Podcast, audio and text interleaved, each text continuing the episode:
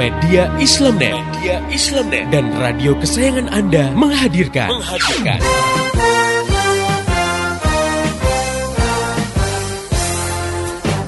Voice of Islam. Voice of Islam. Voice of Islam.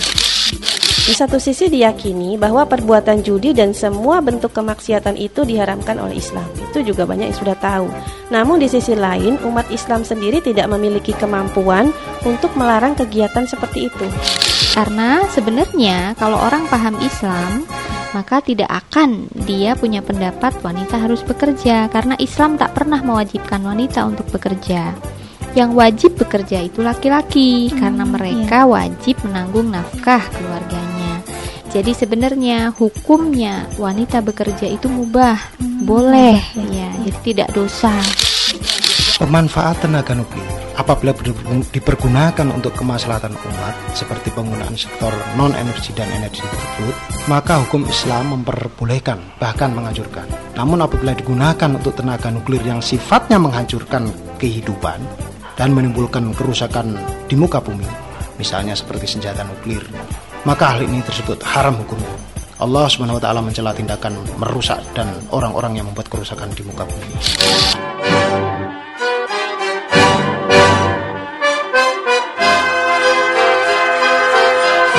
Voice of Islam. Voice of Islam. Voice of Islam.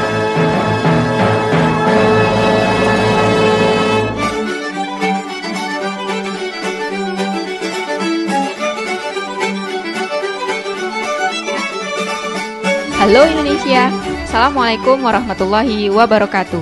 Pendengar yang budiman, masih di radio kesayangan Anda Jumpa dengan saya Alifa Ulinuha di Voice of Islam Dalam rubrik konsultasi surat. Saat ini bersama saya telah hadir seorang narasumber untuk mengasuh rubrik ini. Beliau adalah Ustazah Insinyur Latifah Musa Seorang konsultan dari Klinik Anak Muda untuk Pergaulan Islami Baik, kita sapa dulu. Assalamualaikum Ustazah Latifah. Waalaikumsalam warahmatullahi wabarakatuh. Gimana nih kabarnya hari ini? Alhamdulillah baik Mbak Afrifa. Ustazah, pada kesempatan kali ini kita akan membacakan surat yang datang dari Wati di Bogor. Iya. Nah, berikut akan saya bacakan isi suratnya. Assalamualaikum warahmatullahi wabarakatuh. Waalaikumsalam warahmatullahi wabarakatuh. Ustazah Latifah, saya mau minta tolong saya nggak mengerti kenapa di rumah terjadi keributan terus-menerus. Saya nggak tahan untuk tidak menjawab orang tua. Kata-kata yang keluar selalu menyakitkan. Pengen sekali kabur dari rumah. Saya tahu kalau melawan orang tua itu dosa, tetapi selalu aja ada masalah. Setiap ngomong pasti dibilang lawan dan pasti berakhir dengan tangisan. Bagaimana mengatasinya Ustazah? Kadang saya menangis dalam sholat malam dan semakin gak berkonsentrasi dan pengen bunuh diri. Bisa-bisa saya mati karena depresi. Dari Wati di Bogor. Nah, demikian Ustazah yeah. surat dari Wati di Bogor. Nah, semoga pendengar yang budiman, khususnya Wati, sudah siap mendengar pembahasan surat ini. Tapi sebelum kita bahas surat dari Wati, kita dengarkan dulu lagu yang berikut ini. Tetap setia di Voice of Islam. Andai ku tahu kapan tiba ajalku Ku akan memohon Tuhan tolong panjangkan umurku. Andai ku tahu Kapan tiba masaku Ku akan memohon Tuhan jangan kau ambil nyawaku Aku takut akan semua dosa-dosaku. Aku takut dosa yang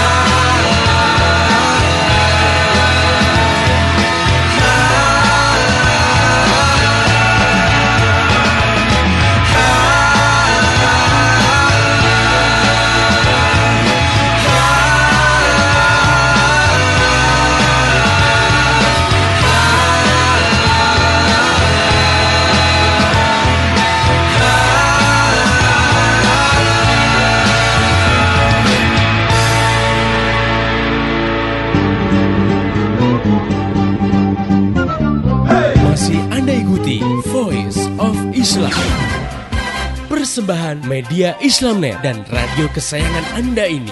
Voice of Islam. Voice of Islam. Voice of Islam.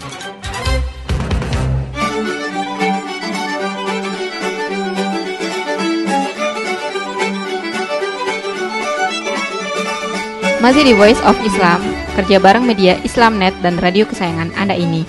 Dalam rubrik konsultasi surat bersama saya, Alifa Ulinuha dan Ustazah Insinyur Latifah Musa, seorang konsultan dari Klinik Anak Muda untuk Pergaulan Islami. Saat ini kita masih membahas surat dari Wati di Bogor. Nah, langsung saja kita akan bincang-bincang dengan Ustazah Latifah Musa. Nah, Ustazah, Ya. nah bagaimana kita menyikapi masalah-masalah seperti ini?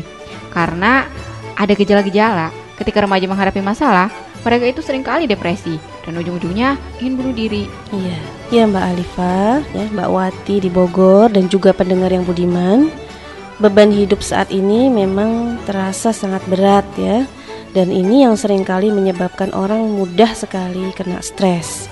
Nah, sebenarnya ada dua faktor penyebab stres. Yang pertama, faktor individu.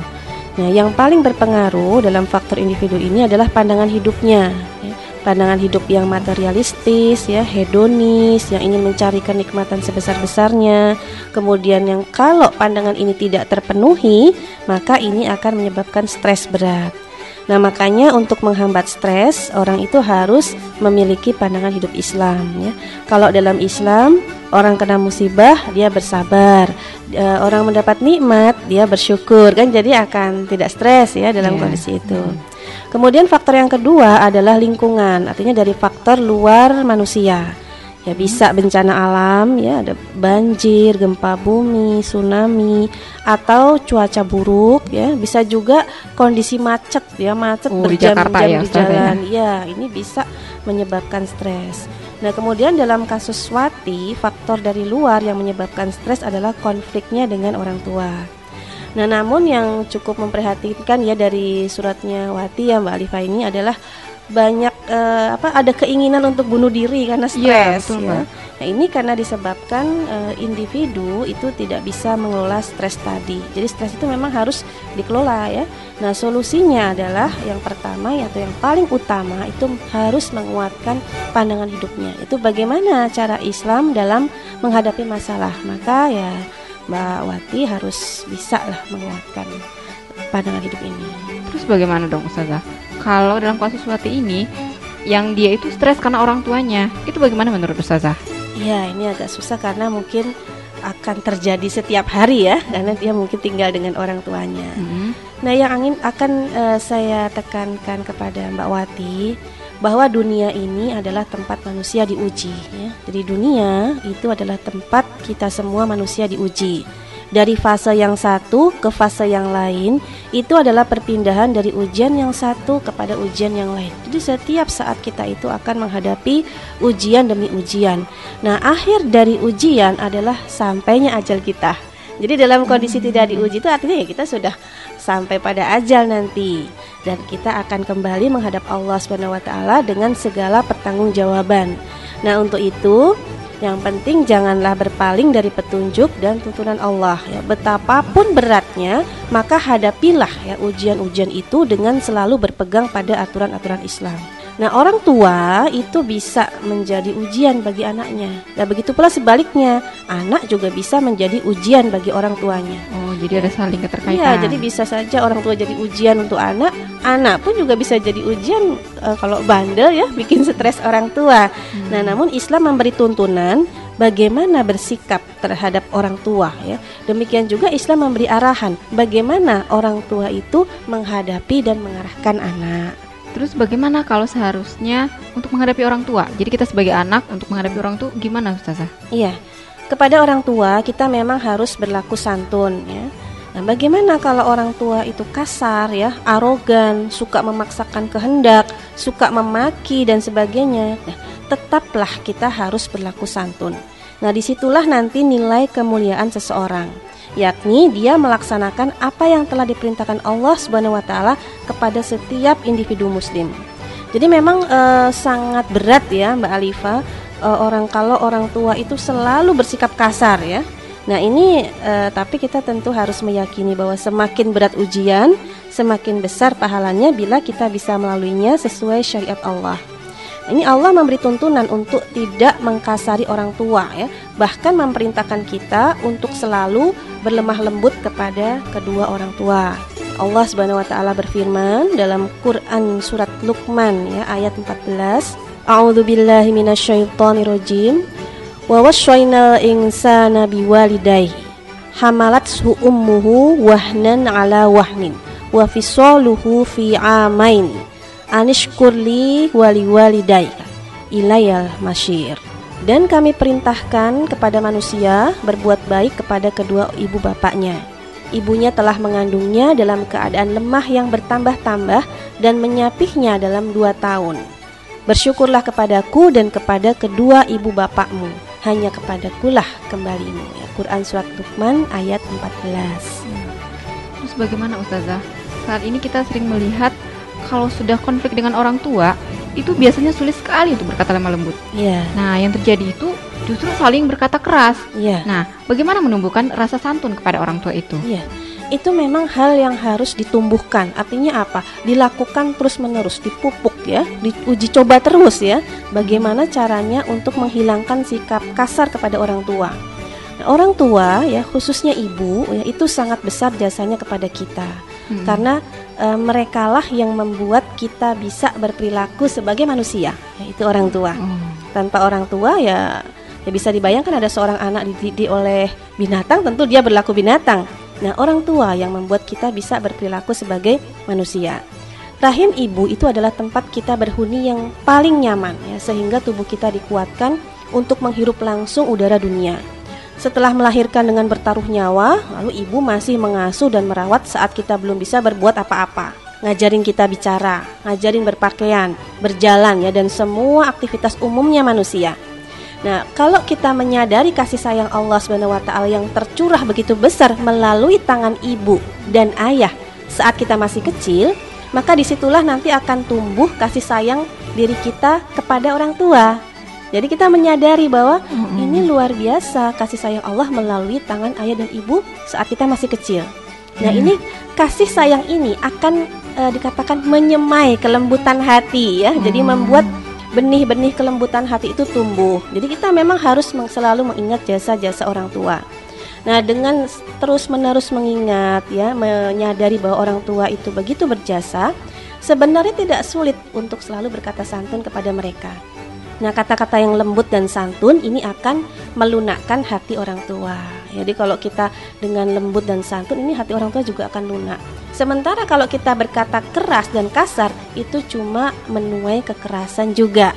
Ya, jadi cobalah kita perhatikan bila kekerasan dibalas kekerasan yang terjadi adalah benturan. Iya, dan itu nanti akan semakin fatal akibatnya ya, iya, Ustazah. betul. Terus sekarang ini kalau justru orang tuanya yang justru kasar. Iya. Nah, bicaranya kasar, bahkan tingkah lakunya itu juga keras. Nah, bagaimana Ustazah kita Iya. menyikapi fenomena ini? Ya ini khusus kepada Mbak Wati ya eh, yang menyampaikan suratnya dan juga pendengar yang budiman. Bagaimanapun keras dan kasarnya orang tua, kita harus selalu melunakkan hati dengan kasih sayang. Insya Allah Allah Subhanahu Wa Taala pasti membalasnya dengan limpahan kasih sayang pula. Nah, kesungguhan kita untuk mengasihi orang tua, ya, berusaha santun kepada mereka, itu akan membuahkan rahmat Allah yang melimpah. Jadi yakin ya bahwa Allah Subhanahu wa taala sangat kasih sayang kepada hambanya yang berusaha menjalani ketaatan, yaitu berbakti kepada orang tua tadi. Jadi memang harus yakin seyakin-yakinnya ya Ustazah ya. Iya, Hmm. betul. Nah, oke pendengar yang budiman, khususnya Wati di Bogor, semoga mulai terjawab ya pertanyaannya. Tapi sepertinya kita harus break dulu nih dan melanjutkan bahasan surat Wati setelah kita dengarkan lagu yang berikut ini. Dan tetap setia di Voice of Islam.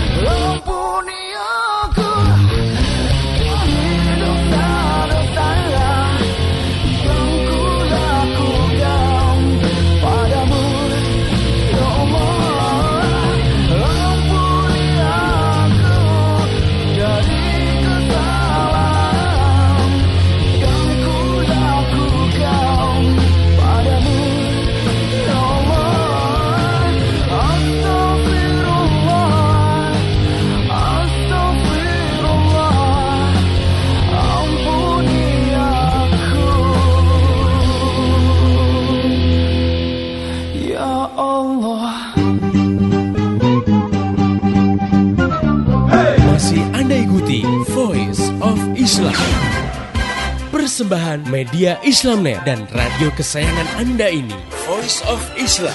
Voice of Islam. Voice of Islam.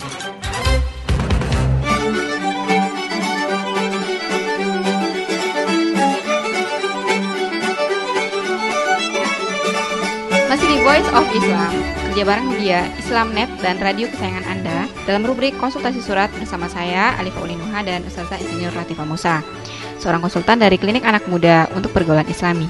Kita akan melanjutkan pembahasan surat dari Wati di Bogor tentang masalah depresi. Nah, sekarang kita akan lanjutkan bincang-bincang kita dengan Ustazah Latifah Musa.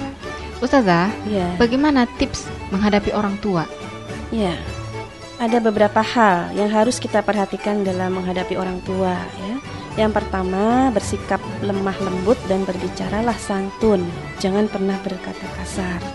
Nah, kemudian yang kedua, kalau kita merasa pendapat kita yang benar ya karena telah ditopang dengan kebenaran Islam, ini jangan gunakan teknis mendebat ketika orang tua sedang marah dan menyampaikan kata-katanya. Jadi jangan debat ya, motong orang tua pas lagi marah ya. Tunggu sampai emosi mereka mereda, baru kita sampaikan pendapat kita kepada orang tua dengan lemah lembut dan mendepankan kasih sayang. Jadi ingat kembali jasa orang tua. Kalau kita sulit, ini kita bisa meminta bantuan kerabat yang dituakan. Jadi sesepuhnya ya untuk menyampaikan kepada orang tua. Itu dua ya. Jangan eh, mendebat keras.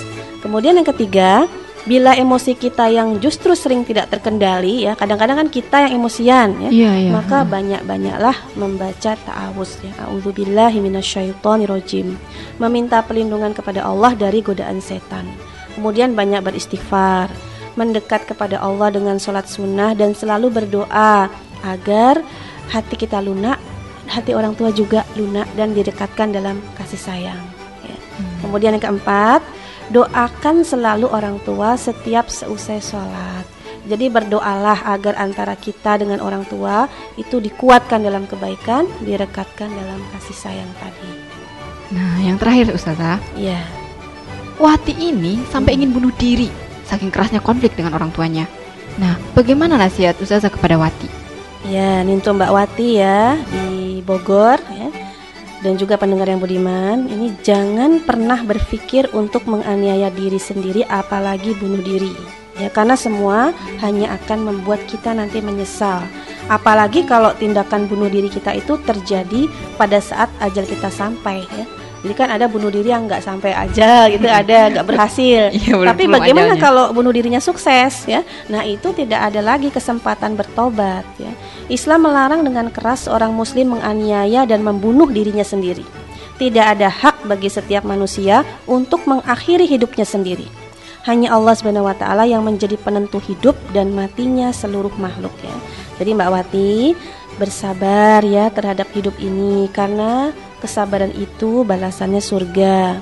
Kemudian terus memperbaiki pribadi ya dengan banyak mempelajari Islam ya, membaca dan memahami Al-Qur'an dan hadis, banyak belajar ya dari kisah-kisah para sahabat Nabi. Nah, dari sana insya Allah kita akan banyak belajar bahwa sebenarnya persoalan hidup yang kita hadapi belum seberapa. Ya. Kemudian kita juga banyak-banyak berdoa kepada Allah agar dianugerahi kesabaran ya. Ya Rob kami, curahkanlah kesabaran kepada kami dan matikanlah kami dalam keadaan muslim. Ini dalam Al-Qur'an ada. Ya, semoga Allah Subhanahu wa taala menguatkan keimanan kita dan memberi kesejukan pada hati kita ya, Amin, ya khususnya alamin. Mbak Wati. Nah, oke pendengar yang budiman, khususnya Wati nih. Nah, semoga terjawab masalah yang sedang Wati alami. Jadi bersabarlah terhadap hidup ini, karena sesungguhnya kesabaran akan berbalas surga. Perbaiklah pribadi dengan banyak mempelajari Islam, yakni dengan membaca dan memahami Al-Quran serta Al-Hadis. Oke, buat pendengar yang ingin bertanya, memberikan kritik, saran dan masukan, Anda bisa kirim surat ke radio kesayangan Anda ini atau kirim SMS ke 0856 94 92 4411. Saya ulangi 0856 94 92 4411 atau bisa juga melalui surat elektronik alias email ke mediaislamnet@yahoo.com. Jangan lupa mediaislamnet@yahoo.com. Saya Alifah Ulinuha dan seluruh kerabat kerja yang bertugas mengucapkan terima kasih kepada Ustazah Insinyur Latifah Musa Ya, sama-sama. atas penjelasannya. Iya. Dan tidak ketinggalan, terima kasih juga buat para pendengar yang telah setia mengikuti acara ini. Pesan saya, sampaikan apa yang Anda peroleh dari acara ini kepada yang lain agar rahmat Islam bisa segera tersebar luas, termasuk di kota Anda yang tercinta ini. Dan esok hari, insya Allah, Voice of Islam akan kembali hadir di ruang dengar Anda pada waktu dan gelombang yang sama. Mari menimbang masalah dengan syariah. Assalamualaikum warahmatullahi wabarakatuh.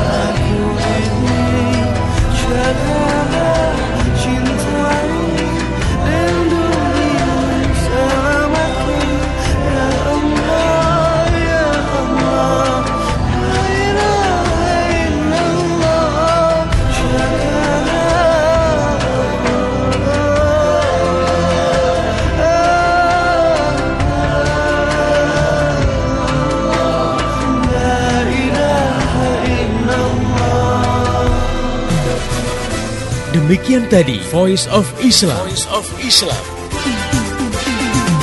Semoga hikmah yang terkandung bermanfaat untuk kita semua. Amin, amin, amin. Ya Robbal Alamin.